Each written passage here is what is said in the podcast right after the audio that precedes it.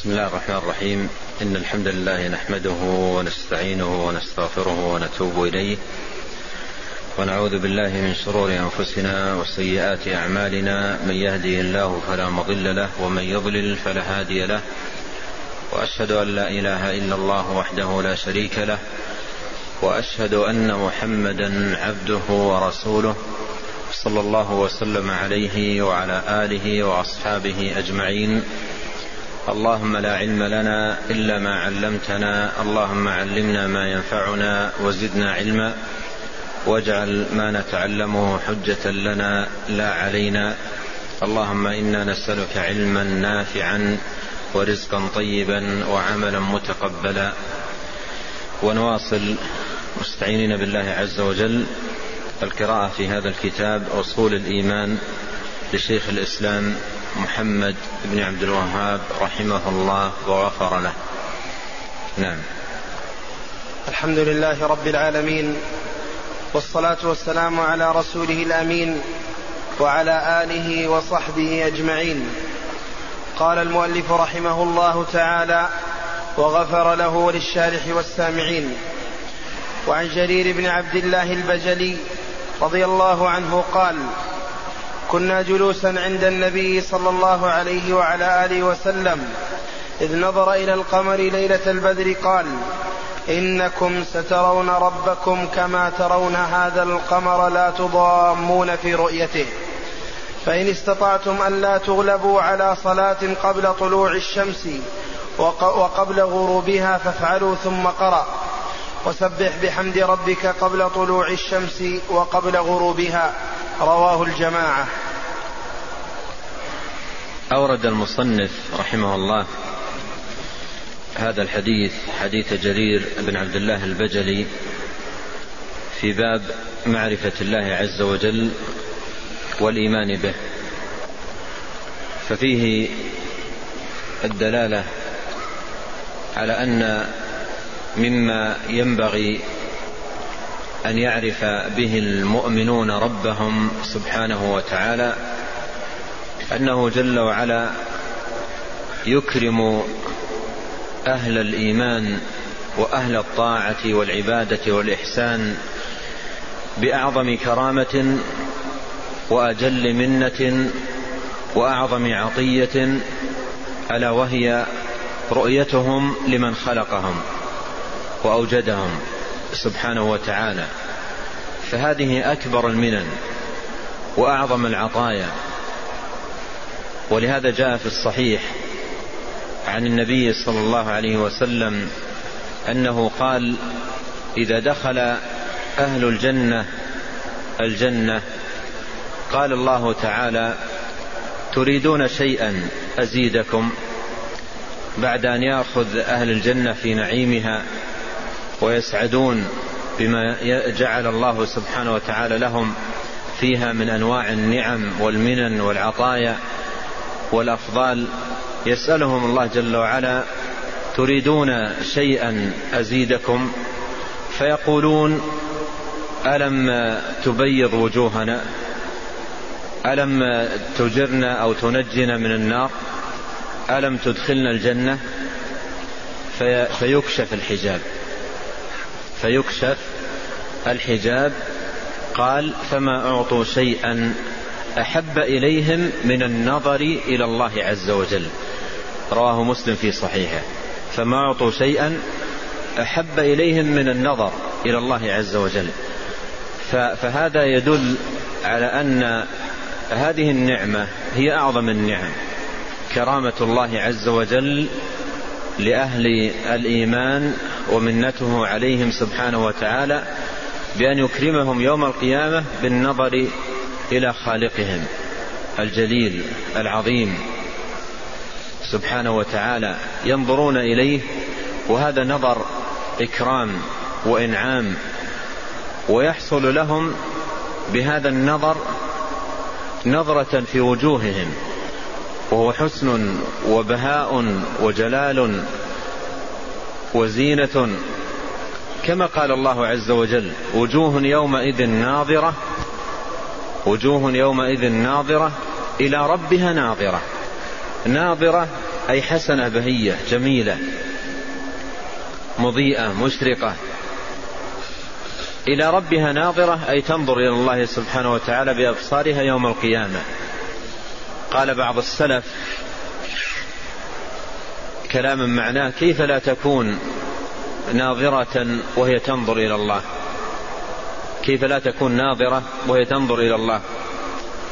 الإنسان في, في نظرته لأشياء يسيرة جدا في الحياة الدنيا من المناظر الجميلة أشجار أو نحو ذلك تجلب لقلبه شيء من من البهجة والراحة في أمور يسيرة جدا. فكيف إذا كان نظر الإنسان إلى النعيم الذي في الجنة؟ وكيف إذا كان نظر الإنسان إلى الرب العظيم سبحانه وتعالى جل جلاله سبحانه.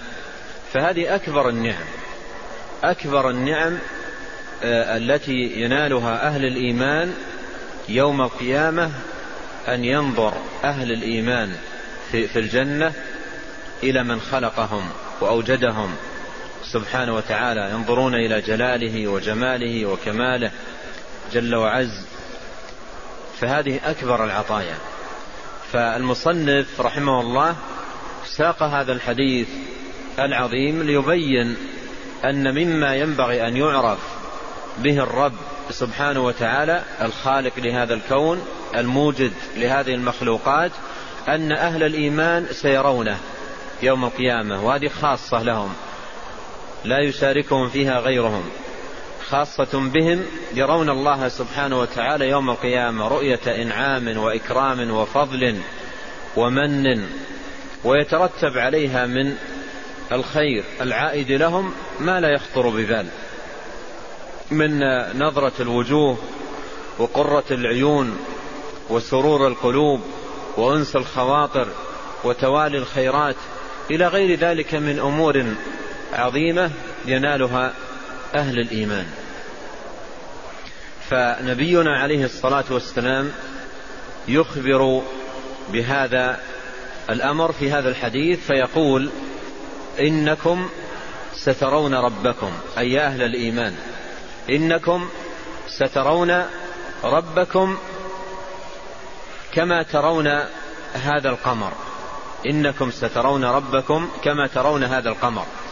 وجاء في بعض الروايات أنه عليه الصلاة والسلام نظر إلى القمر في, في, في ليالي الإبدار في منتصف الشهر. نظر إلى القمر وهو مكتمل في, في, في, في السماء. كل يراه مكتملا. فقال عليه الصلاة والسلام وهو ينظر إليه إنكم سترون الله جل وعلا كما ترون هذا القمر. والكاف هنا في قوله كما ترون هذا القمر ليست تشبيها بالمرء بالمرء ليست تشبيها للمرء بالمرء وإنما تشبيها للرؤية بالرؤية. أي كما أنكم ترون القمر رؤية حقيقية بأبصاركم. فإنكم سترون الله سبحانه وتعالى. كما أن رؤيتكم للقمر رؤية حقيقية ترونه من فوقكم رؤية حقيقية. الكل يراه الكل ينظر إليه. لا, لا, لا يحتاج أن ينضم بعضكم إلى بعض من أجل النظر لدقته أو لخفائه أو لبعده. وإنما الكل يرى يراه. فالتشبيه هنا للرؤية بالرؤية أي أنها رؤية حقيقية بالأبصار كما أنكم ترون القمر من فوقكم رؤية حقيقية بالأبصار. هذا معنى قوله كما ترون القمر ليلة البدر. ليلة البدر هي ليلة التمام. وفي بعض ألفاظ الحديث إنكم سترون ربكم يوم القيامة. إنكم سترون ربكم يوم القيامة. فهذه الرؤية ليست حاصلة لأحد إلا ليوم القيامة إلا في يوم القيامة. ولهذا جاء في الحديث الصحيح عن النبي صلى الله عليه وسلم أنه قال اعلموا أنكم لن تروا ربكم حتى تموتوا. اعلموا أنكم لن تروا ربكم حتى تموتوا. ولما سئل عليه الصلاة والسلام هل رأى ربه عندما عرج به إلى السماء؟ قال نور أن أراه. نور أن أراه. فهو عليه الصلاة والسلام لم يرى الله. جل وعلا عندما عرج به إلى إلى إلى السماء. والرؤية رؤية الله عز وجل في الدنيا ليست حاصلة لأحد. وليست ممكنة أو ليست حاصلة لأحد.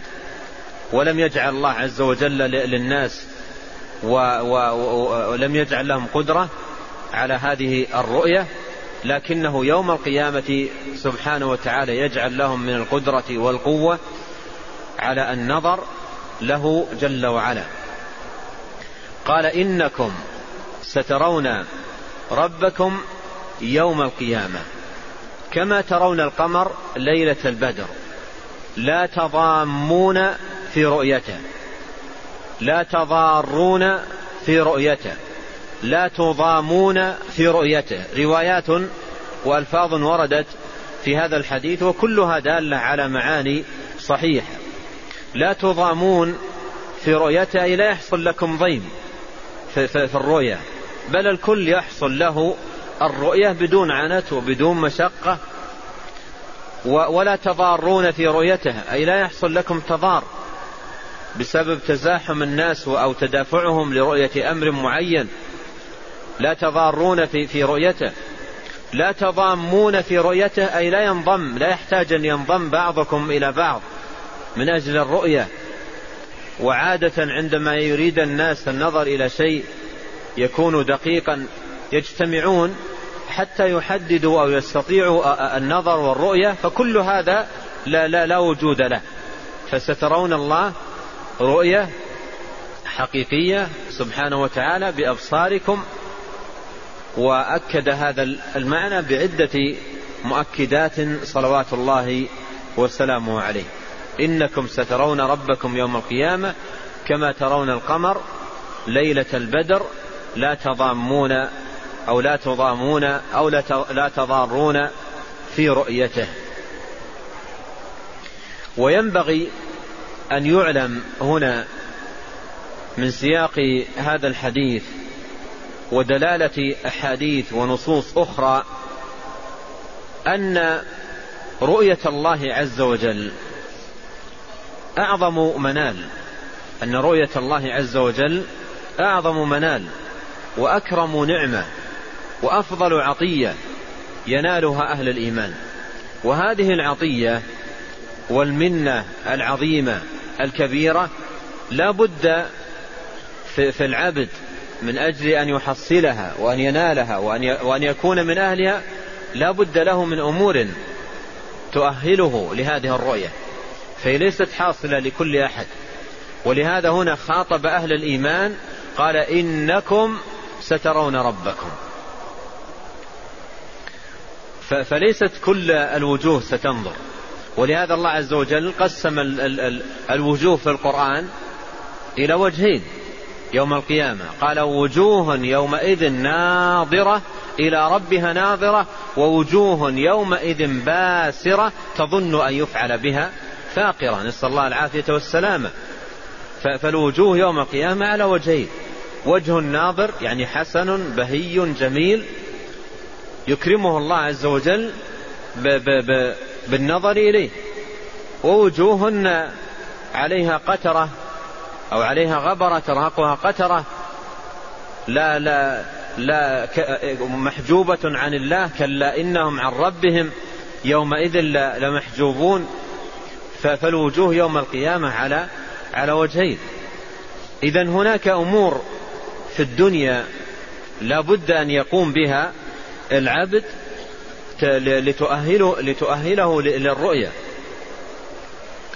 وهي الإيمان وتحقيق طاعة الله عز وجل. فالجنة التي أعظم إكرام وإنعام فيها رؤية الله لا يمكن أن يدخلها أحد إلا بالإيمان. ولهذا قال عليه الصلاة والسلام في الحديث الصحيح لن يدخل الجنة إلا نفس مؤمنة. لن يدخل الجنة إلا نفس مؤمنة. فالإيمان لا بد منه. والأعمال الصالحة التي ترتفع بها درجات العبد وينال بها عالي المقامات ورفيع الدرجات لا بد منها ولكل درجات مما عملوا. ولهذا سيأتي عند المصنف رحمه الله إيراد ما يدل على ذلك من السنة تفاوت أهل الجنة في نعيم الجنة. وتفاوت الجنة في درجاتها لتفاوت أهل الإيمان في أعمال الإيمان وطاعاته في في حياتهم تفاوتهم فيها في حياتهم الدنيا. فنبه النبي عليه الصلاة والسلام إلى هذا المعنى. نبه على الإيمان بقوله إنكم أي أهل الإيمان إنكم سترون ربكم يوم القيامة. ونبه على العمل والتقرب إلى الله عز وجل والمجاهدة مجاهدة النفس على ذلك ولا سيما وبخاصة الصلاة. ولهذا قال هنا في هذا الحديث فإن استطعتم فإن استطعتم ألا تغلبوا على صلاة قبل طلوع الشمس وصلاة قبل غروبها فافعلوا. وهنا رعاك الله لا بد أن تنتبه إلى فائدة عظيمة وهي الارتباط بين العقيدة والعمل. وثمرة العقيدة الصحيحة في حسن العمل. فثمة ارتباط وثيق بينهما. العقيدة الصحيحة الإيمان الصحيح الإيمان الراسخ يورث عملا. يحرك في, في, في القلب العمل والعناية بالعمل. لما ذكر الرؤية التي هي أكمل نعيم وهي عقيدة يعتقدها أهل الإيمان أهل الإيمان يعتقدون من جملة عقائدهم أن أهل الإيمان يرون الله يوم القيامة. فهذه العقيدة تثمر ماذا؟ لا تثمر بطالة لا تثمر كسلا لا, تك لا تثمر فتورا. وإنما تثمر جدا واجتهادا. تحرك في القلب شوقا لنيل هذه الرؤيا وطمعا فيها. وهذا الشوق والطمع يحرك في النفس إقبالا على الأعمال وعلى الطاعات التي تنال بها ينال بها هذا الأمر العظيم. فالعقيدة تثمر العمل وتحرك في القلب العمل. ولهذا هنا قال إنكم سترون ربكم هذه العقيدة. العمل الذي يترتب عليها وتتطلبه ما جاء في آخر الحديث في, في قوله فإن استطعتم ألا تغلبوا. فثمة ترابط وثيق بين العقيدة والعمل. العقيدة تثمر العمل الصحيح تثمر الخلق الفاضل والجد والاجتهاد في التقرب إلى الله سبحانه وتعالى. وكأن الحديث يشار فيه إلى إلى إلى, إلى سامعه. يقال له يا من عرفت أن أهل الإيمان يرون الله سبحانه وتعالى يوم القيامة ويكرمهم بهذه الرؤية فاجتهد لن تكون من هؤلاء بتقديم العمل والطاعة. واحذر أن تفرط في الصلاة لأن تفريطك في الصلاة وتضييعك لها حكم على نفسك بالحرمان من هذا الأمر. حكم على نفسك بالحرمان من, من هذا الأمر. فالذي يصلي لا يصلي حكم على نفسه بالحرمان من هذا. وينبغي يا إخوان أن نلحظ هذه الملاحظة وهي أن هناك ارتباط. ارتباط وثيق بين الصلاة والرؤية. الصلاة على وجه الخصوص. ولا سيما المكتوبة بين الصلاة ورؤية الله سبحانه وتعالى يوم القيامة رابطة وثيقة تراها جلية واضحة في كثير من النصوص. ارتباط بين الصلاة.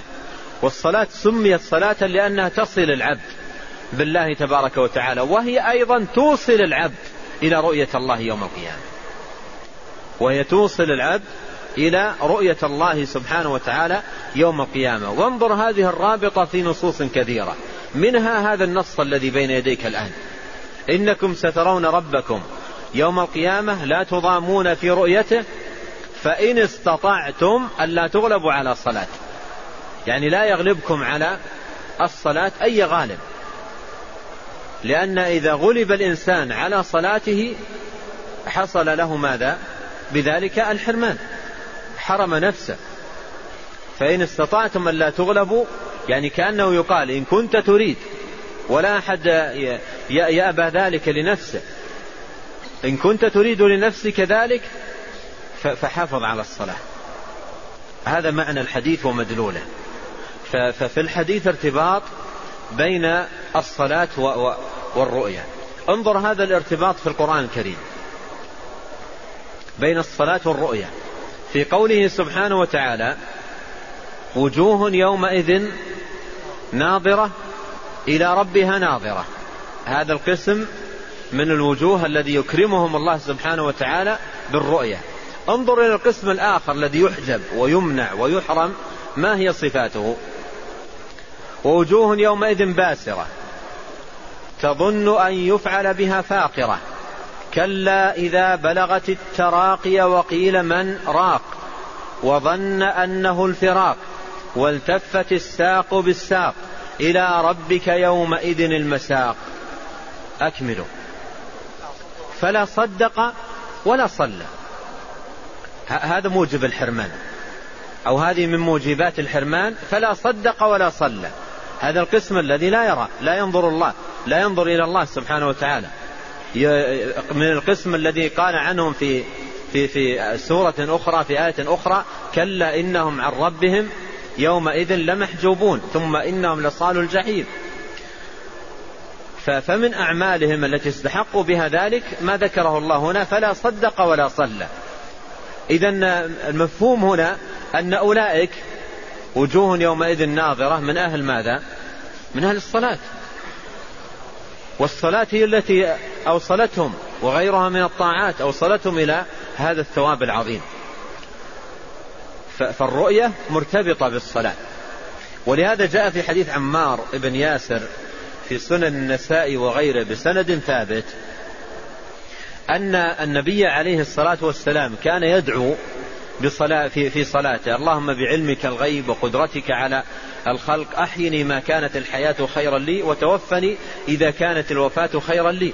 إلى قوله في هذا الدعاء اللهم إني أسألك لذة النظر إلى وجهك والشوق إلى لقائك في غير ضراء مضرة ولا فتنة مضلة. اللهم زينا بزينة الإيمان واجعلنا هداة مهتدين. ولاحظ أيضا الارتباط بين الصلاة والرؤية في هذا الحديث. فنبينا عليه الصلاة والسلام في الصلاة التي هي من أعظم موجبات نيل الرؤية يسأل الله عز وجل ماذا؟ لذة النظر. قال أسألك لذة النظر إلى وجهك والشوق إلى لقائك في غير ضراء مضرة ولا فتنة مضلة. أسألك لذة النظر إلى إلى وجهك. لذة النظر إلى وجه الله سبحانه وتعالى هي أعظم لذة. وليس في اللذات لذة تدانيها أو تقاربها. أعظم لذة على الإطلاق هي لذة النظر إلى وجه الله سبحانه وتعالى. فيقول هنا أسألك لذة النظر إلى وجهك والشوق إلى لقائك في غير ضراء مضرة ولا فتنة مضلة. ولذة النظر غاية. والشوق إلى لقائه وسيلة لنيل هذه الغاية. وقدم الغاية لعظمها وفخامتها و و و لعظمها وفخامتها. أسألك لذة النظر إلى وجهك والشوق إلى لقائك. هناك شوق في القلب يحدو الإنسان يحركه يبعثه يدفعه إلى الأعمال والقربات إلى الله عز وجل حتى ينال هذا الفوز العظيم والنعيم المقيم قال في غير ضراء مضرة ولا فتنة مضلة. أي أسألك أن أن يكون نيلي لهذا الأمر في غير ضراء ولا فتنة. قال العلماء لا تكون الرؤية إلا بعد الموت. لا تكون الرؤية إلا بعد الموت كما تقدم الحديث بهذا. والموت قد يطلبها الإنسان لنفسه لضراء أصابته. ولهذا جاء في حديث آخر لا يتمنين أحدكم الموت لضر مسه. فقد يطلب الإنسان الموت لضراء أصابته. فيريد الموت للخلاص من هذه الضراء. أو أيضا يصاب الناس في, في, في, في زمانه بفتن فيخشى على نفسه منها فيتمنى الموت خوفا من, من الفتن. فهنا يحقق هذا الدعاء ويخلص هذا الدعاء أن أنه يسأل أن يسأل الله عز وجل النظر إليه ولذة النظر إليه شوقا شوقا إلى الله عز وجل. ليس طلبا للموت فرارا من مصيبة ألمت بالإنسان في الدنيا أو ضراء أصابته في الدنيا وليس أيضا فرارا من فتنة وإنما هو في شوق. في, في, في شوق وفي طمع وفي لهف وفي رغبة. تملأ جوانحه لرؤية الرب العظيم سبحانه وتعالى. قال اللهم إني أسألك لذة النظر إلى وجهك والشوق إلى لقائك في غير ضراء مضرة. اللهم زينا بزينة الإيمان. وهذا مما يوضح لكم الارتباط. بين الإيمان وطاعاته و و ومن طاعاته العظام الصلاة والصلاة إيمان وما كان ما كان الله ليضيع إيمانكم أي صلاتكم. الصلاة إيمان. فانظر الارتباط الذي أشير إليه أيضا فيما سبق. حديثنا يقول فيه عليه الصلاة والسلام وهنا لفتة لابد نقف عندها. يقول فإن استطعتم ألا تغلبوا. قف هنا متأملا ودقق النظر وزد في التأمل في قوله عليه الصلاة والسلام تغلبوا. ماذا تستفيد منها؟ فإن استطعتم ألا تغلبوا. ماذا تستفيد من, من, من, من هذا البيان هنا؟ إن استطعتم ألا تغلبوا. يعني كأنه يقال لك هذه هذه الرؤية وهذه منزلتها وهذه مكانتها وهذه الصلاة هي أعظم ما تنال. به الرؤيا وانتبه في الدنيا أشياء كثيرة ستغلبك على الصلاة. في الدنيا أشياء كثيرة ستغلبك على الصلاة. فانتبه أن تغلب على صلاتك. لا يغلبك على صلاتك أي شيء. إن استطعتم ألا تغلبوا على صلاة قبل طلوع الشمس وصلاة قبل غروبها فافعلوا. الصلاة التي قبلها طلوع الشمس هي صلاة الفجر والصلاة التي قبل غروبها هي صلاة العصر ولهاتين الصلاتين في النصوص خصوصية عظيمة جدا ورد فيهما نصوص خاصة. من ضمنها قول النبي عليه الصلاة والسلام يتعاقبون فيكم ملائكة بالليل وملائكة بالنهار يجتمعون في صلاة الفجر وصلاة العصر. الملائكة الذين يتعاقبون على الناس بالليل والنهار يجتمعون في هاتين الصلاتين ثم يصعدون إلى الله فيسألهم وهو أعلم بهم كيف تركتم عبادي؟ كيف تركتم عبادي؟ فيقول أتيناهم وهم يصلون وتركناهم وهم يصلون. لما جئناهم مثلا لما جاءوا الفجر وجدوهم في صلاة ولما لما صعدوا العصر كانوا في صلاة. والذين جاءوا بعدهم أيضا وجدوهم في في صلاة لما لما أتوهم ولما صعدوا منهم كانوا أيضا في صلاة الفجر. وهؤلاء الملائكة الذين يتعاقبون يرون عباد الله عندما ينزلون في صلاة وعندما يصعدون في صلاة. أتيناهم وهم يصلون وتركناهم وهم يصلون. النائم على فراشه والمشتغل بأعماله واللاهي عن صلاته ليس داخل مع هؤلاء. ليس داخلا مع هؤلاء. هذا يختص بالمصلين. أتيناهم وهم يصلون. وتركناهم وهم يصلون. الذي ينام عن صلاة الفجر محروم هذا. والذي ينام عن بقية الصلوات أيضا محروم.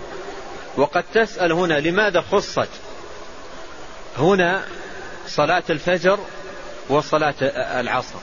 لماذا خصت بالذكر؟ خصت هاتان الصلاتان بالذكر لأنهما أعظم الصلوات وفيهما من الفضائل والخصائص ما, ما, ما ليس لغيرهما. فإذا حافظ عليهما العبد فإن هذا يدفعه إلى المحافظة على ما سواهما وإذا ضيعهما العبد فهو لما سواهما أضيع من بقية الصلوات وغيرها من الطاعات. وصلاة الفجر تأتي في في مفتتح اليوم وباكورته وأوله. فمن من الله عز وجل عليه. ولم يغلب على صلاة الفجر وأحسن في في صلاته. كانت هذه الصلاة عونا له على أداء بقية الصلوات. إن الصلاة تنهى عن الفحشاء والمنكر. فإذا استهل يومه بنشاط وهمة وتعوذ من الشيطان وذكر لله وإقبال على صلاة الفجر سيكون أيضا بعون الله محافظا على بقية الصلوات. فلأجل هذا خص هاتين الصلاتين بالذكر. قال فإن استطعتم ألا تغلبوا. أيضا لمزيد الفقه في هذا الباب لك أن تسأل ما هي الأمور التي تغلب؟ الناس على صلاتهم. وهذا من الأمور المهمة التي ينبغي أن تنتبه لها. ما هي الأمور التي تغلب الناس على صلاتهم؟ تعرفها حتى لا تغلبك على صلاتك. ما هي الأمور التي تغلب الناس على صلاتهم؟ صلاة الفجر. كثيرا ما يغلب الناس عليها. كثيرا ما يغلب الناس عليها. تجد آه، آه، آه، الأذان أذن والمنادي نادى الصلاة خير من النوم. وهذا مستمر في نومه إلى طلوع الشمس. اليوم وغدا وبعد غد وهو على هذه الحال. ما الذي غلبه هنا؟ غلبه النوم وما, وما يسبق النوم من طول في السهر. سهر آه، في, في, في لهو وباطل ونوم عن فرائض. يسهر في لهو وفي باطل وفي ضياع وينام عن فريضة ما كتبها الله سبحانه وتعالى عليه. فأي حرمان أفظع من هذا؟ أن أن يضيع ليلة في لهو وباطل وأن يبتدئ نهاره بتضييع الفريضة. فأي حرمان أفظع من هذا؟ الليل يضيع في لهو وباطل والنهار يفتتح بإضاعة فريضة من فرائض الله سبحانه وتعالى التي كتبها جل وعلا على عباده. أيضا يغلب الناس على صلاتهم اللهو والإقبال على على الدنيا والتكالب عليها وملء القلب بها. هذه أمور تغلب الناس على صلاتهم. أصبح الآن من الناس من من يغلبه على صلاته فنجال شاي. بيده فنجال الشاي يصبه يعني آه، ماء حار في, في داخله ورق أحمر وينادى للصلاة يجلس يشرب الشاي ما يريد أن يترك الشاي. والصلاة يتركها. أمور كثيرة الآن حتى أشياء من أتفه وأحقر الأمور تغلب الناس على على صلاتهم. وأصبح الصلاة في في في في ميزان كثير من الناس لا قيمة لها. وقد قال بعض السلف رحمهم الله كلمة عظيمة جدا من, من معناها من أراد أن يعرف وزن الإسلام في قلبه فلينظر إلى وزن الصلاة عنده. لأن حظك من الإسلام بحسب حظك من الصلاة. ومن ضيع الصلاة فهو لما سواها أضيع. ومن حافظ على الصلاة كما قال عليه الصلاة والسلام كانت له نورا وبرهانا ونجاة يوم القيامة. ومن لم يحافظ عليها لم يكن له نور ولا برهان ولا نجاة يوم القيامة. الصلاة نور تضيء للإنسان طريقه في هذه الحياة وبرهان على إيمانه وحسن صلته بربه سبحانه وتعالى ونجاة له يوم القيامة. فيلقى الله عز وجل يوم القيامة مصليا مقبلا مطيعا لله جل وعلا. قال إنكم سترون ربكم يوم القيامة فإن استطعتم ألا تغلبوا على صلاة قبل طلوع الشمس وصلاة قبل غروبها فافعلوا. قول فافعلوا تنبيه للمجاهدة مجاهدة النفس ومداومة جهادها على المحافظة على الصلاة. والذين جاهدوا فينا لنهدينهم سبلنا وإن الله لمع لمع المحسنين. اللهم اجعلنا من المقيمين الصلاة. ومن علينا يا ذا الجلال والإكرام بلذة النظر إلى وجهك. والشوق إلى لقائك في غير ضراء مضرة ولا فتنة مضلة. نعم. نعم ثم ثم قرأ فسبح بحمد ربك قبل طلوع الشمس وقبل غروبها. هذه الآية فيها إشارة إلى هاتين الصلاتين. فيها إشارة إلى هاتين الصلاتين صلاة الفجر التي قبل طلوع الشمس وصلاة العصر التي هي قبل غروبها. نعم. قال وعن أبي هريرة رضي الله عنه أن رسول الله صلى الله عليه وعلى آله وسلم قال إن الله تبارك وتعالى قال من عاد لي وليا فقد آذنته بالحرب وما تقرب إلي عبدي بشيء أحب إلي من أداء ما افترضته عليه وما يزال عبدي يتقرب إلي بالنوافل حتى أحبه فإذا أحببته كنت سمعه الذي يسمع به وبصره الذي يبصر به ويده التي يبطش بها ورجله التي يمشي بها. ولئن سألني لأعطينه ولئن استعاذني لأعيذنه. وما ترددت عن شيء أنا فاعله ترددي عن قبض نفس عبد المؤمن. يكره الموت وأكره مساءته ولا بد له منه. رواه البخاري. ثم أورد رحمه الله هذا الحديث العظيم في في باب معرفة الله عز وجل والإيمان به. والحديث يدل على أن مما ينبغي أن يعرف المؤمن به ربه سبحانه وتعالى أنه عز وجل يتولى أولياءه والصالحين من عباده بحفظه وكلاءته ورعايته سبحانه وتعالى. يتولاهم بتوفيقه وتسديده وعونه. يتولاهم بحفظه ونصره جل وعلا. هو وليهم. الله ولي الذين آمنوا. إن الله يدافع عن الذين آمنوا وكان حقا علينا نصر المؤمنين. فأولياء الله والصالحين من عباده. يبين هذا هذا الحديث ما لهم من الفضل والتوفيق والحفظ والتسديد والمعونة من الله جل وعلا. فهذا مما ينبغي أن يعرف به الله جل وعلا. مما ينبغي أن يعرف به الله جل وعلا. فيقبل العبد على الله عز وجل ويجاهد نفسه ليكون من أولياء الله. وباب كون العبد من أولياء الله مفتوح لكل أحد. لا يختص بجنس دون جنس أو لون دون لون أو نسب دون نسب. لا يختص بأحد. الباب مفتوح لكل أحد.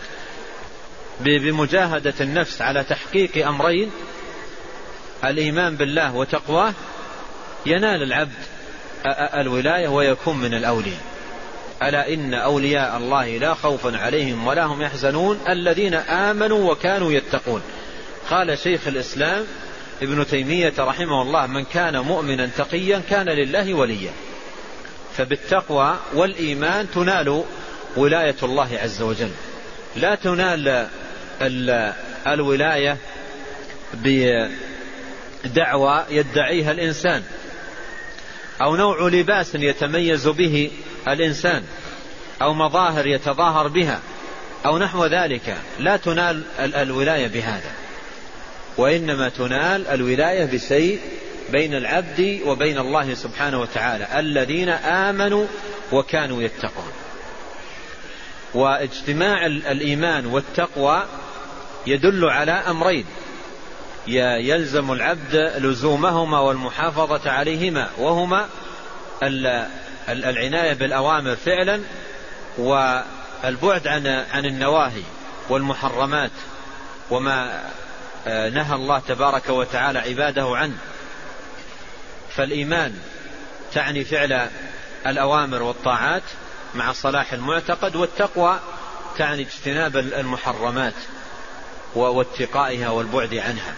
فمن كان بهذه الصفة نال آه، نال هذه المنزلة العلية والرتبة الرفيعة. والحديث هنا فيه بيان ما للأولياء من مكانة عظيمة ومنزلة رفيعة عند رب العالمين وخالق الخلق سبحانه وتعالى. ولهذا يقول الله عز وجل في بيان مكانة آه، أوليائه ومنزلتهم قال إن الله تعالى يقول من عادى لي وليا فقد آذنته بالحرب. من عادى لي وليا فقد آذنته بالحرب. آه، آه، وهذا فيه أن من بارز أولياء الله بالعدوان والظلم والإساءة والإعتداء فقد آذنه الله جل وعلا بالحرب. ومن آذنه الله عز وجل بالحرب فقد تحقق هلاكه في دنياه وأخراه. فقد تحقق هلاكه في دنياه وأخراه. لأنه سبحانه وتعالى بيده أزمة الأمور ومقاليد السماوات والأرض. عطاؤه كلام وعذابه كلام سبحانه وتعالى. إنما أمره إذا أراد شيئا أن يقول له كن فيكون. من عادى لي وليا فقد آذنته بالحرب. أيضا يفهم من الحديث كما نبه العلماء أن من صاف الأولياء وأحبهم وعرف مكانتهم وقدرهم فقد فاز برضا الله سبحانه وتعالى. وهذا معنى ما جاء في في الحديث أوثق عرى الإيمان الحب في الله والبغض في الله. فمن أحبهم في الله سبحانه وتعالى فاز برضا الله سبحانه وتعالى. ومن عاد أولياء الله. وتلقاهم بالشنآن والبغض والعدوان والظلم ونحو ذلك فقد آذنه الله سبحانه وتعالى بالحرب. قال من عادى لي وليا فقد آذنته بالحرب. ثم ذكر صفة الأولياء. كأنه قيل من هم الأولياء؟ الله قال من عادى لي وليا فكأنه قيل من هم الأولياء؟ ما هي صفتهم؟ فذكر جل وعلا في هذا الحديث القدسي أن أولياءه على درجتين. أن أولياءه على درجتين وعلى مرتبتين. الدرجة الأولى بينها في, في, في قوله سبحانه وتعالى بينها في قوله سبحانه وتعالى وما تقرب إلي عبدي بشيء أحب إلي مما من أداء ما افترضته عليه. هذه مرتبة من مراتب الولاية المحافظة على الفرائض حفظ الفرائض والمحافظة عليها والبعد عن المحرمات ما, حرمه الله عز وجل لعباده. وهذه الدرجة يسميها أهل العلم درجة المقتصدين وإليها الإشارة في قوله سبحانه وتعالى ومنهم مقتصد ومنهم مقتصد. والمقتصد هو الذي يحافظ على الفرائض ويترك المحرمات. هذا ولي من أولياء الله ولي من أولياء الله. ويوم القيامة يدخله الله سبحانه وتعالى الجنة بدون حساب ولا عذاب. من حافظ على الفرائض وترك المحرمات دخل الجنة يوم القيامة بلا حساب ولا عذاب. والدرجة الثانية للأولياء وهي أرفع وأعلى وأسمى من هذه الدرجة إليها الإشارة هنا في هذا الحديث في قوله وما يزال عبدي يتقرب إلي بالنوافل حتى أحبه هذه الدرجة الثانية وهي أعلى من الدرجة الأولى. في هذه الدرجة فيها ما في الدرجة الأولى وهو ماذا؟ المحافظة على الفرائض وترك المحرمات وزيادة على ذلك بماذا؟ بالعناية بالنوافل. وانتبه لقوله ولا يزال لأن هذه الكلمة كما يقول العلماء تفيد الاستمرار والمداومة. ولا يزال عبدي يتقرب إلي بالنوافل يعني مستمرا مداوما محافظا على النوافل. لا يزال عبدي يتقرب إلي بالنوافل. هذه الدرجة الثانية وهي أعلى وهي درجة المقربين. أو قل أيضا درجة السابقين في الخيرات. قال عز وجل ثم أورثنا الكتاب الذين اصطفينا من عبادنا فمنهم ظالم لنفسه ومنهم مقتصد ومنهم سابق بالخيرات بإذن الله. وقد قال العلماء المقتصد والسابق بالخيرات كلاهما يدخل الجنة بدون حساب ولا عذاب دخولا أوليا. كلاهما يدخل الجنة بدون حساب ولا عذاب.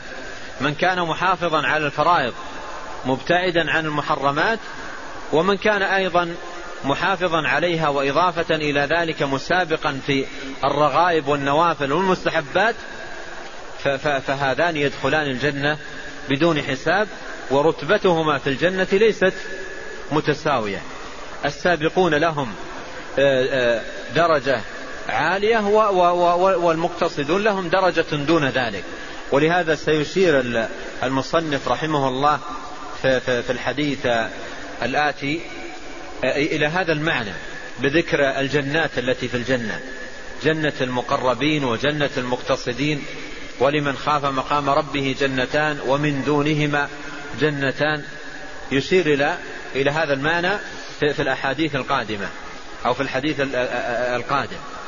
واتيان بالحديث القادم بعد حديث الولي في غاية المناسبة لأن حديث الولي ذكر أن أن أولياء الله عز وجل على كل أحد فهي لا تنال بمجرد الدعوة لا وإنما تنال بمجاهدة ولاحظ المجاهدة هنا وما تقرب إلي عبدي بشيء أحب إلي مما افترضته عليه ولا يزال عبدي يتقرب إلي بالنوافل حتى أحبه. حتى أحبه. يعني حتى ينال منزلة عظيمة عند الله سبحانه وتعالى في, في, في المحبة. وإلا فإن من يؤدي الفرائض ويترك المحرمات له نصيبه وحظه من حب الله تبارك وتعالى له. لكن الذي حافظ على النوافل نصيبه ماذا؟ أوفر وحظه أعظم. ولهذا قال حتى أحبه ثم انظر ماذا يترتب على حب الله عز وجل لوليه. قال حتى أحبه فإذا أحببته هذه ثمار وآثار. فإذا أحببته كنت سمعه الذي يسمع به وبصره الذي يبصر به. ويده التي يبطش بها ورجله التي يمشي بها. ولئن سألني لأعطينه ولئن استعاذني لأعيذنه. أي أنه سبحانه وتعالى يؤيده ويسدده في سمعه وفي بصره وفي قدمه وفي يده ويستجيب دعاءه ويكون محفوظا بحفظ الله سبحانه وتعالى له. هذا معنى قوله آه، كنت سمعا. وكنت بصرا وكنت يدا وكنت قدما. هذا معناها.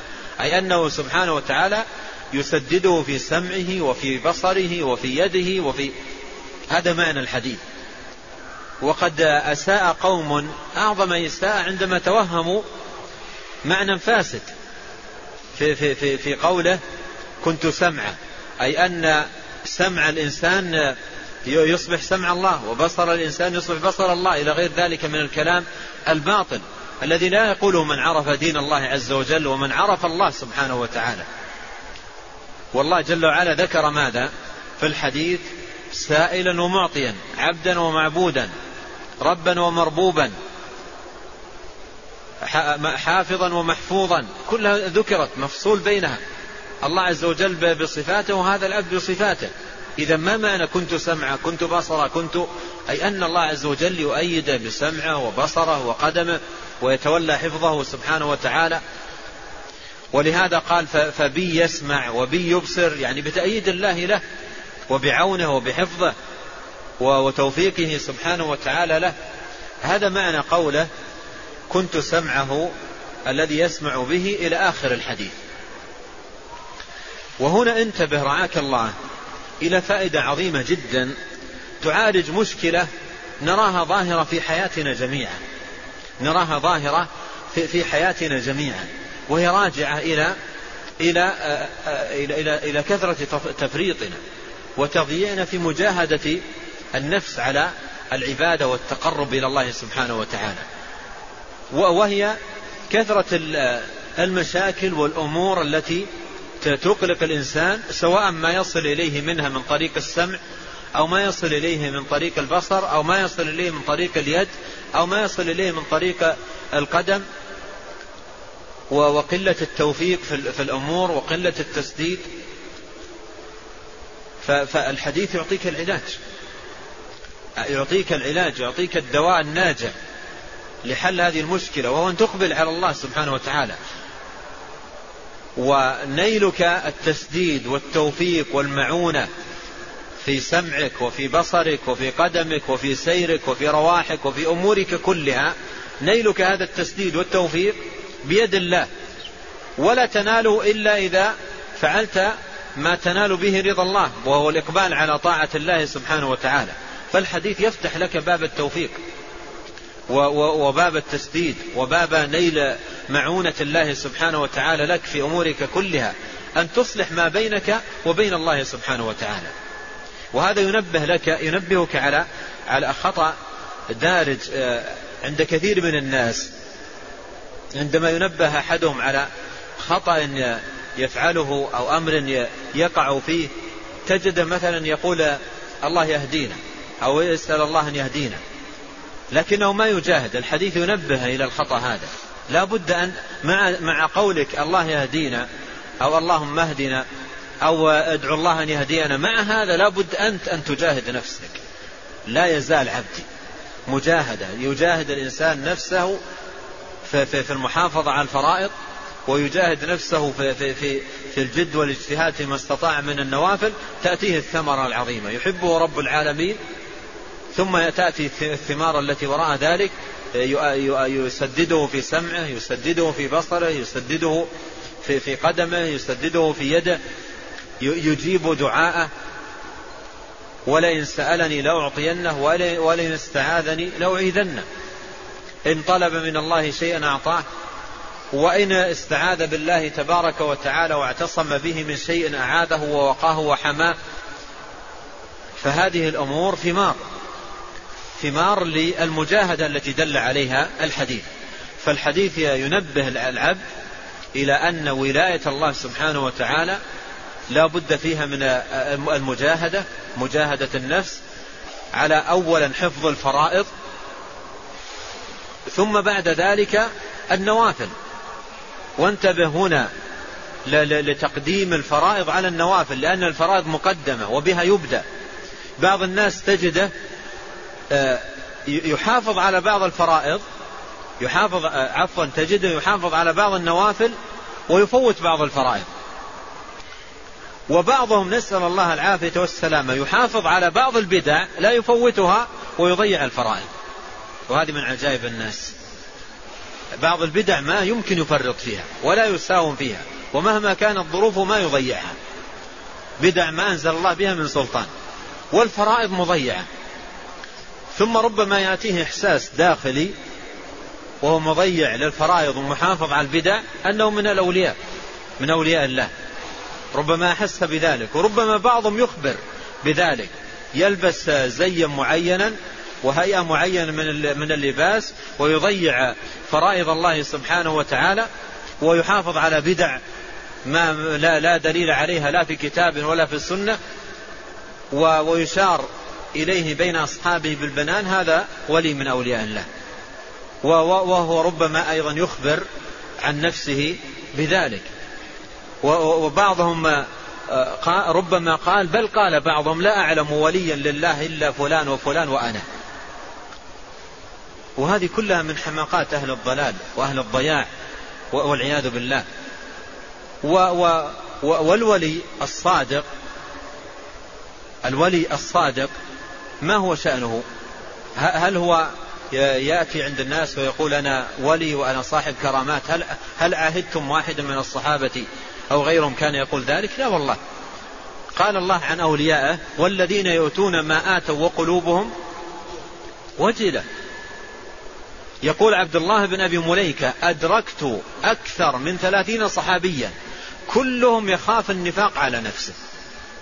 أدركت أكثر من ثلاثين صحابيا كلهم يخاف النفاق على نفسه. ما منهم من يزكي نفسه ويقول أنا ولي من أولياء الله. والله يقول في القرآن فلا تزكوا أنفسكم. هو أعلم من اتقى. أي تزكية للنفس أن يدعي الإنسان لنفسه أنه من الأولياء ولهذا لا, لا يصح أن يدعي هذا الأمر الإنسان لنفسه ولا يدعيه لغيره. يعني لو رأيت شخصا عليه ظاهر الصلاح والاستقامة والمحافظة على الفرائض والمحافظة على النوافل لا تجزم. ولكن قل نحسبه من الأولياء نرجو أن يكون من الأولياء أو نحو ذلك. أما الجزم لا لا يجزم بها. إذا كان قتيل المعركة الذي يرفع السيف ويبلي بلاء عظيما في, في, في, في, في, في النكاية بالأعداء لا يجوز أن يقال شهيد. وفي صحيح البخاري باب لا يقال فلان شهيد لماذا؟ لأن الشهادة تترتب على أمر يوجد في القلب ما نراه. وهو ماذا؟ من قاتل لتكون كلمة الله العليا. هناك آه، قتال للحمية هناك قتال للعصبية هناك قتال لأغراض أخرى. وهذه كلها ما مكانها القلب لا يطلع عليها الناس. باب لا يقال فلان شهيد. وأورد من النصوص ما يدل على المنع من ذلك. لكن من قتل في المعركة ورآه, ورآه الناس أبلى بلاء حسنا يقال ماذا؟ نحسبه من الشهداء نرجو أن يكون من الشهداء. هو من الشهداء إن شاء الله نرجو أو نحو ذلك. أما الجزم لا. والولاية هذه المنزلة العظيمة لا يجزم بها لأحد. لكن إذا رؤي شخص آه، ظاهره الصلاح والاستقامة والمحافظة على طاعة الله سبحانه وتعالى يقال ماذا؟ نحسبه نرجو أو, أو نحو ذلك. أما الجزم الجزم لا, لا يجزم بذلك. لقوله تعالى فلا تزكوا أنفسكم هو أعلم من اتقى ولأدلة أخرى كثيرة. وهذا الذي يبين لكم الفرق بين حال الأولياء الصادقين من الصحابة ومن اتبعهم بإحسان وحال غيرهم. ما كان أحد من الصحابة يدعي لنفسه ذلك. ولو تقرأ سيرهم ترى عجبا. حتى إن الحسن البصري رحمه الله قال كلمة عجيبة. قال إن المؤمن جمع بين إحسان ومخافة والمنافق جمع بين مساءة وأمن. تجد مضيع للفرائض ول... و... و... ويظن أنه أحسن الناس. والمؤمن تجده في جد واجتهاد ومحافظة على العبادة وفي الوقت نفسه ماذا؟ في خوف. وهذا هو معنى الآية. والذين يؤتون ما آتوا وقلوبهم وجلة أنهم إلى ربهم راجعون. قالت عائشة رضي الله عنها كما في المسند وغيره بسند ثابت قالت قلت يا رسول الله أهو الرجل يزني ويسرق ويقتل ويخاف أن يعذب؟ هل هذا هو معنى الآية؟ قال لا يا ابنة الصديق. ولكنه الرجل يصلي ويصوم ويتصدق ويخاف ألا يقبل. هذا هو معنى يؤتون ما آتوا وقلوبهم وجلة أي خائفة أن يرد عليهم عملهم. والله عز وجل يقول إنما يتقبل الله من المتقين. فالشاهد أن العبد في هذا الباب العظيم يجاهد نفسه وهو يجمع بين الرجاء والخوف يرجو رحمة الله ويخاف عذابه ولا يدعي لنفسه آه، رتبة علية أو منزلة رفيعة وإنما يرجو الله. ويقول لا أنا مقصر وأنا مفرط ولا يزال في المجاهدة إلى أن يلقى الله سبحانه وتعالى وهو على خير حال ينال بها أعظم منال بإذن الله سبحانه وتعالى. ثم قال في, في, في تمام الحديث ولئن سألني لأعطينه ولئن استعاذني لأعيذنه. أي أنه سبحانه وتعالى يجيب دعاءه من كان بهذه الصفة. يجيب دعاءه. ولا ولا يرده في في مسأل. ولئن سألني لأعطينه ولئن استعاذني لأعيذنه. وما ترددت يقول الله سبحانه وتعالى عن شيء أنا فاعله ترددي عن قبض عبد المؤمن عن قبض نفس عبد المؤمن يكره الموت وأكره مساءته ولا بد له منه. وهذا فيه من المعرفة بالله سبحانه وتعالى معرفة فضله وكرمه ولطفه ورحمته وإحسانه ومكانة عبده المؤمن عنده سبحانه وتعالى مع أنه جل وعز غني عن عن عن المؤمن. غني عن المؤمن. لا تنفعه طاعته إن بقي حيا ولا تضر معصية من عصى لكن هذا الكرم هذا الجود هذه الرحمة هذا اللطف والإحسان منه جل وعز. فانظر هذا الكرم وتأمل هذا اللطف والإحسان. يقول الغني سبحانه وتعالى ما ترددت عن شيء وما ترددت عن شيء أنا فاعله. أنا فاعله أي أنه سيفعله سبحانه وتعالى. كتب ذلك وقدره وقضاه. أنا فاعله ترددي عن قبض نفس عبد المؤمن. وانتبه هنا رعاك الله لا يخطر ببالك التردد الذي تفهمه من, من, من, من, من صفة الإنسان. التردد الذي هو في, في صفة الإنسان هذا يليق بماذا؟ يليق بالإنسان وبضعفه وبعجزه وبقلة علمه وقلة بصيرته. الإنسان عندما يتردد في أمر هل يفعله أو لا يفعله؟ يكون تردده مبني على ماذا؟ قد يكون تردده مبني على جهل بالعواقب. على جهل بالعواقب. قد يكون تردده مبني على جهل بالعواقب. ما يدري هل الأصلح كذا أو الأصلح كذا فتجده متردد. ولهذا شرع لنا إذا تردد الإنسان في أمر أو تحير أن يصلي صلاة الاستخارة ويفوض الأمر لمن أحاط بكل شيء علما. اللهم إني أستخيرك بعلمك وأستقدرك بقدرتك وأسألك من فضلك العظيم فإنك تعلم ولا أعلم وتقدر ولا أقدر وأنت علام الغيوب. يفوض الأمر إلى الله سبحانه وتعالى. هذا تردد العبد وهو مبني على على جهل بالعواقب. ولا يجوز بحال عندما تقرأ صفات الله سبحانه وتعالى أن تخطر في بالك أو تورد في ذهنك أوصاف المخلوقين. هذا باطل. فصفات الله جل وعلا التي أضافها إلى نفسه تليق بجلاله وكماله. فنحن هنا نثبت ما أثبته الله لنفسه وهو قوله ما ترددت نثبت هذا كما أثبته الرسول. عليه الصلاة والسلام. وفي الوقت نفسه نثبت معه كمال العلم. المحيط العلم بما كان وبما سيكون وبما لم يكن لو كان كيف يكون وأنه عز وجل أحاط بكل شيء علما وأحصى كل شيء عددا. نؤمن بذلك كله نؤمن بذلك كله فإذا التردد الذي ذكر هنا وأضافه الله سبحانه وتعالى لنفسه في هذا الحديث القدسي ما معناه الجهل بالعواقب رب العالمين منزه عن ذلك. منزه عن ذلك. أحاط بكل شيء علما ما معناه؟ قال مبينا معناه في الحديث نفسه. قال ما ترددت عن شيء أنا فاعله ترددي عن قبض نفس عبده يكره الموت وأكره مساءته ولا بد له منه. هذا هو هذا هو. التردد أن الله سبحانه وتعالى فاعل شيء وهو ماذا؟ قبض روحه المؤمن. والعبد يكره الموت والله عز وجل يكره مساءة العبد. قال ما ترددت آه، في شيء ترددي في قبض روح عبدي المؤمن آه، يكره الموت وأكره مساءته. قال وأنا فاعله. يعني فاعل ذلك سيقبض الله روحه. و نعم سيقبض الله روحه. لكن قال يكره الموت. العبد يكره الموت. والله يكره المساءة. فهذا معنى التردد في الحديث. ولا يصح لإنسان أن يقول لا يجوز أن يثبت هذا لله لأن التردد يعني الجهل بالعواقب. الله منزه عن ذلك. يكون قائل هذه الكلمة جمع بين سيئتين. ما هما؟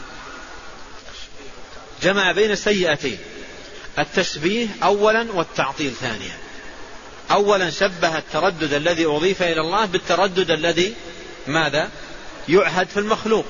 ثم بنى على هذا التشبيه تعطيل ما, ما أثبته الله سبحانه وتعالى لنفسه وهذه جادة باطلة. جمعت بين السوأتين والسلامة في هذا الباب أن نثبت لله ما أثبته سبحانه وتعالى لنفسه على الوجه اللائق بجلاله وكماله سبحانه وتعالى.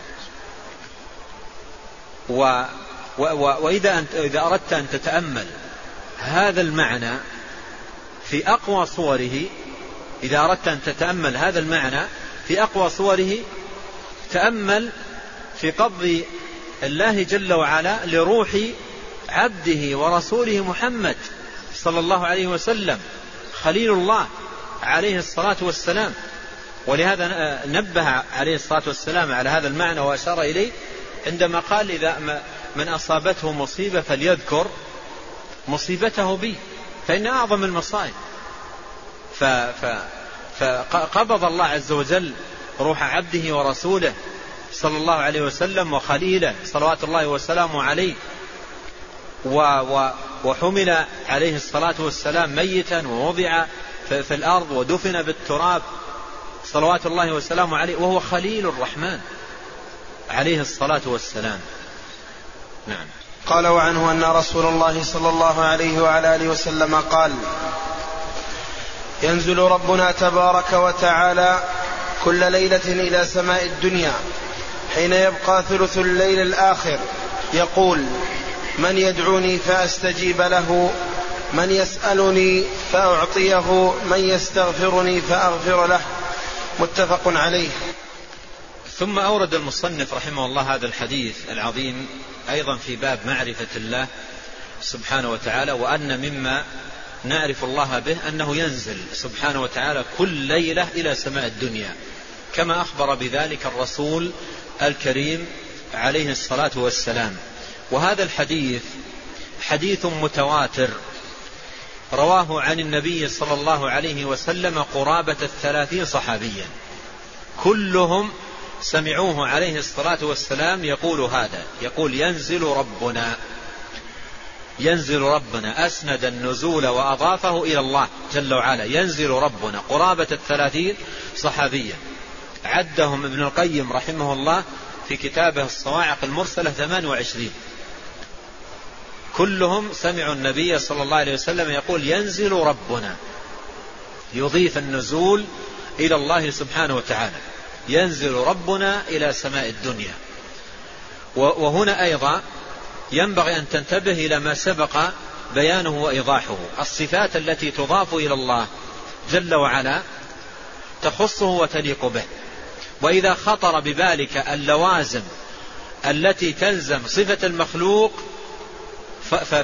فثق تماما أن رب العالمين واعلم تماما ويقينا أن رب العالمين منزه عن ذلك. الآن عندما تنظر في نزول المخلوق تجد ماذا؟ تجد أن لزوم نزول المخلوق يلزمه لوازم كثيرة تعرفها أنت. من نزولك ونزول غيرك من الناس هذه لوازم المخلوق. ومن الباطل والفساد والضلال أن تضاف اللوازم التي تخص المخلوق إلى من؟ إلى الخالق سبحانه وتعالى. فعليك هنا عندما تقرأ هذا الحديث وأمثاله أن تثبت الصفة لله جل وعلا على الوجه اللائق بجلاله. وإياك وأن تشبه الله عز وجل في صفاته أو في شيء منها بصفات المخلوقين أو بشيء من صفاتهم فهنا يقول ينزل ربنا. نحن أيضا نقول كما قال عليه الصلاة والسلام ينزل ربنا كل ليلة إلى سماء الدنيا. نقول كما قال عليه الصلاة والسلام. وكما نقل الصحابة الكرام رضي الله عنهم. خلافا لأهل البدع ممن جحدوا ذلك ونفوه. و و و و وعطلوا هذه الصفة. وقالوا بكل صراحة النزول لا يليق به. هكذا قالوا. وكأنهم أعلم بالله من رسول الله عليه الصلاة والسلام. الرسول صلى الله عليه وسلم يخبر عن ربه جل وعز أنه ينزل وهم, وهم يأتون فيما بعد ويقولون لا النزول لا يليق به. ثم ماذا يذكرون؟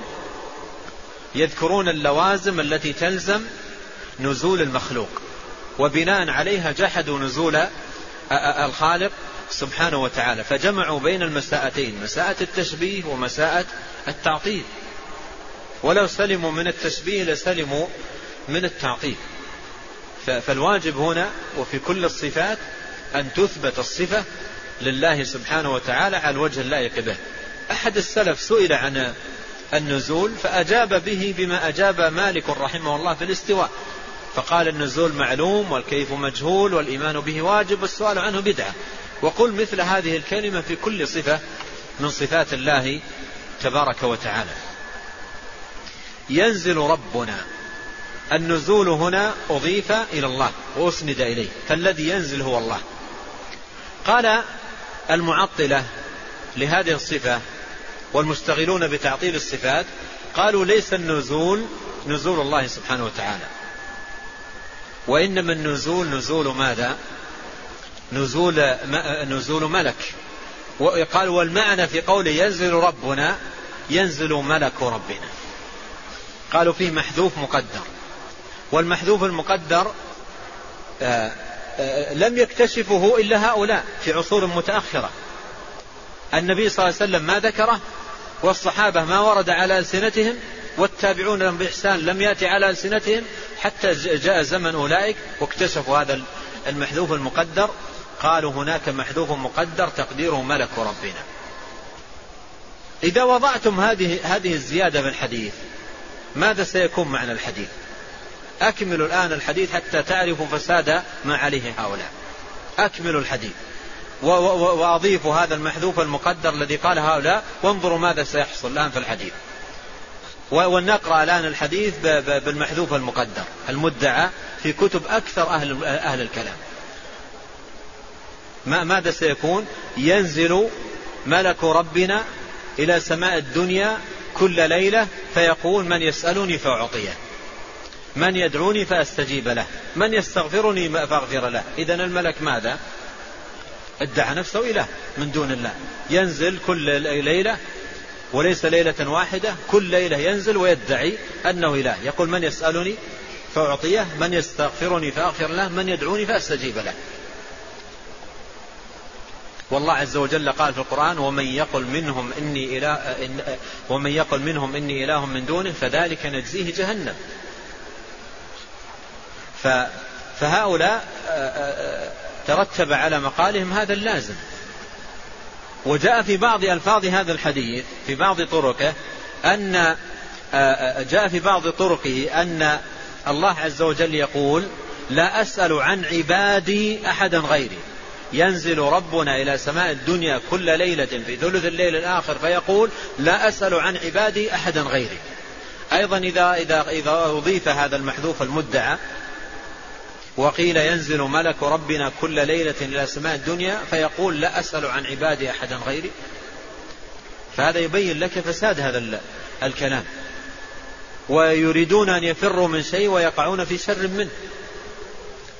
فالسلامة لا تكون إلا بالوقوف على قدم التسليم. وأن يثبت الإنسان لله ما أثبته لنفسه وما أثبته له رسوله عليه الصلاة والسلام من صفات الكمال ونعوت الجلال. يثبت ذلك لله الوجه اللائق به.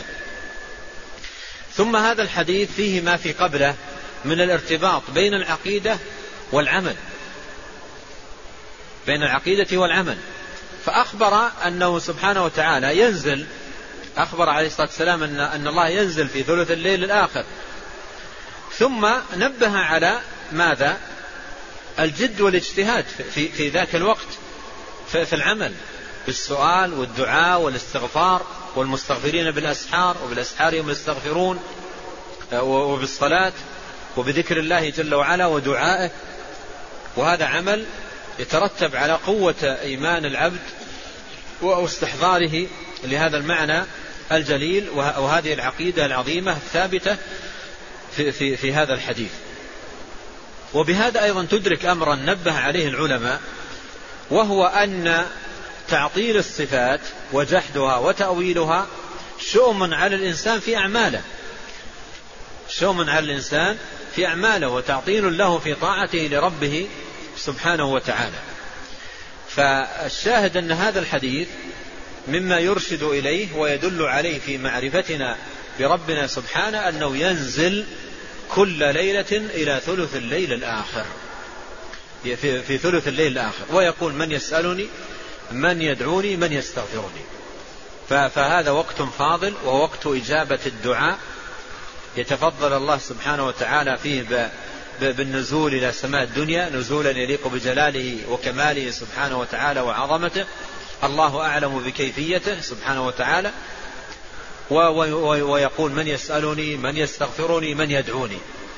فهذا يحرك في العبد إقبالا على الطاعة والذكر والاستغفار والدعاء في هذا الوقت الفاضل العظيم. نعم. قال وعن أبي موسى الأشعري رضي الله عنه قال قال رسول الله صلى الله عليه وعلى آله وسلم جنتان من ذهب آنيتهما وما فيهما وجنتان من فضة آنيتهما وما فيهما وما بين القوم وبين أن ينظروا إلى ربهم إلا رداء الكبرياء على وجهه في جنات عدن. رواه البخاري. ثم ختم هذا الباب رحمه الله بهذا الحديث الذي فيه بيان معرفة الله عز وجل ببيان ما أعده لأوليائه وعباده وما هيأ لهم من النزل في دار كرامته جل وعز. فذكر آه، هذا الحديث عن النبي صلى الله عليه وسلم أنه قال جنتان من ذهب آنيتهما وما فيهما وجنتان من فضة آنيتهما وما فيهما. فهذا الحديث فيه التفاوت في, في نعيم الجنة. وقد قال الله عز وجل ولكل درجات مما عملوا. في الحديث الآخر قال عليه الصلاة والسلام إن أهل الجنة لا يتراءون أهل الغرف كما تراءون الكوكب الدري الغابر في السماء لتفاضل ما بينهم. والقرآن فيه إشارة إلى التفاضل في الجنان والتمايز بينها. في سورة الرحمن قال عز وجل ولمن خاف مقام ربه جنتان ثم ذكر أوصاف هاتين الجنتين.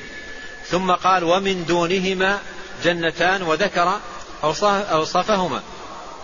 وفي سورة الواقعة ذكر سبحانه وتعالى أوصاف جنة المقربين وذكر أيضا بعد ذلك أوصاف جنة أصحاب اليمين. فهي جنان جنان متفاوتة ومتفاضلة في الآنية في الطعام في الأكل في الأنهار في في فيما أعده الله سبحانه وتعالى من النزل والكرامة لأهلها متفاوتة ليست على على درجة واحدة. ولهذا نصح عليه الصلاة والسلام عباد الله نصيحة عظيمة قال إذا سألتم الله الجنة فاسألوه الفردوس الأعلى. إذا سألتم الله الجنة فاسألوه الفردوس الأعلى. هذه نصيحة لعباد الله. وقد قال الله عز وجل عن هذا الناصح الأمين صلوات الله وسلامه عليه النبي أولى بالمؤمنين من أنفسهم. ولهذا بعض العوام ما ينصح لنفسه في هذا الباب. يعني بعضهم ربما يقول يا رب أدخلني الجنة ولو عند الباب. ما ما نصح لنفسه. انظر كلام إذا سألتم الله الجنة فاسألوه الفردوس الأعلى. فإنه أعلى الجنة ووسط الجنة وفوقه عرش الرحمن. فنصح عليه الصلاة والسلام كل عبد من عباد الله أن يقبل على الله بصدق واجتهاد وجد وسؤال وإلحاح على الله سبحانه وتعالى. وليس عزيز على الله سبحانه وتعالى أن يكرم عبده بعالي الدرجات ورفيع المنازل. فالعبد يجتهد ويسأل ربه الكريم ويتوجه إليه عز وجل بالأعمال الصالحة والدعوات والإقبال على الله عز وجل حتى يلقى الله عز وجل وينال هذا الثواب العظيم. ثم ذكر أكبر نعيم وأعظمه مما يناله أهل الجنة الجنة في الجنة قال وما بين القوم وبين أن ينظروا إلى ربهم إلا رداء الكبرياء على وجهه في جنة في جنة عدن. في جنة عدن. وهذا فيها إثبات الكبرياء صفة لله كما يبين ذلك الحديث الذي في الصحيح. يقول عليه الصلاة والسلام يقول الله تعالى الكبرياء ردائي والعظمة إزاري ومن نزعني واحدا منهما قذفته في النار. فالله عز وجل من صفاته الكبرياء ومن صفاته العظمة. قد كان عليه الصلاة والسلام يقول في ركوعه وسجوده سبحان ذي الملكوت سبحان ذي الجبروت والملكوت والكبرياء والعظمة. قال وما بين القوم وبين أن ينظروا إلى ربهم إلا رداء الكبرياء على وجهه في جنات عدن. ومما يوضح هذا أيضا ما جاء في الحديث الذي في صحيح مسلم قال فيكشف الحجاب فما أعطوا شيئا أحب إليهم من النظر إلى الله عز وجل. ما ذكر في, في هذا الحديث هو معنى قوله سبحانه للذين أحسنوا الحسنى وزيادة. فالحسنى الجنة والزيادة النظر إلى وجه الله الكريم. اللهم إنا نسألك الجنة وما قرب إليها من قول أو عمل. ونعوذ بك من النار وما قرب إليها من قول أو عمل. اللهم أجرنا من النار اللهم أجرنا من النار اللهم أجرنا من النار. اللهم إنا نسألك لذة النظر إلى وجهك والشوق إلى لقائك في غير ضراء مضرة ولا فتنة مضلة. اللهم زينا بزينة الإيمان واجعلنا هداة مهتدين. اللهم أصلح لنا ديننا الذي هو عصمة أمرنا وأصلح لنا دنيانا التي فيها معاشنا وأصلح لنا آخرتنا التي فيها معادنا واجعل الحياة زيادة لنا في كل خير والموت راحة لنا من كل شر. اللهم اغفر لنا ولوالدينا ولمشائخنا وللمسلمين والمسلمات والمؤمنين والمؤمنات الأحياء منهم والأموات إنك أنت الغفور الرحيم. وآخر دعوانا أن الحمد لله رب العالمين وصلى الله وسلم وبارك وأنعم على عبد الله ورسوله نبينا محمد وآله وصحبه أجمعين.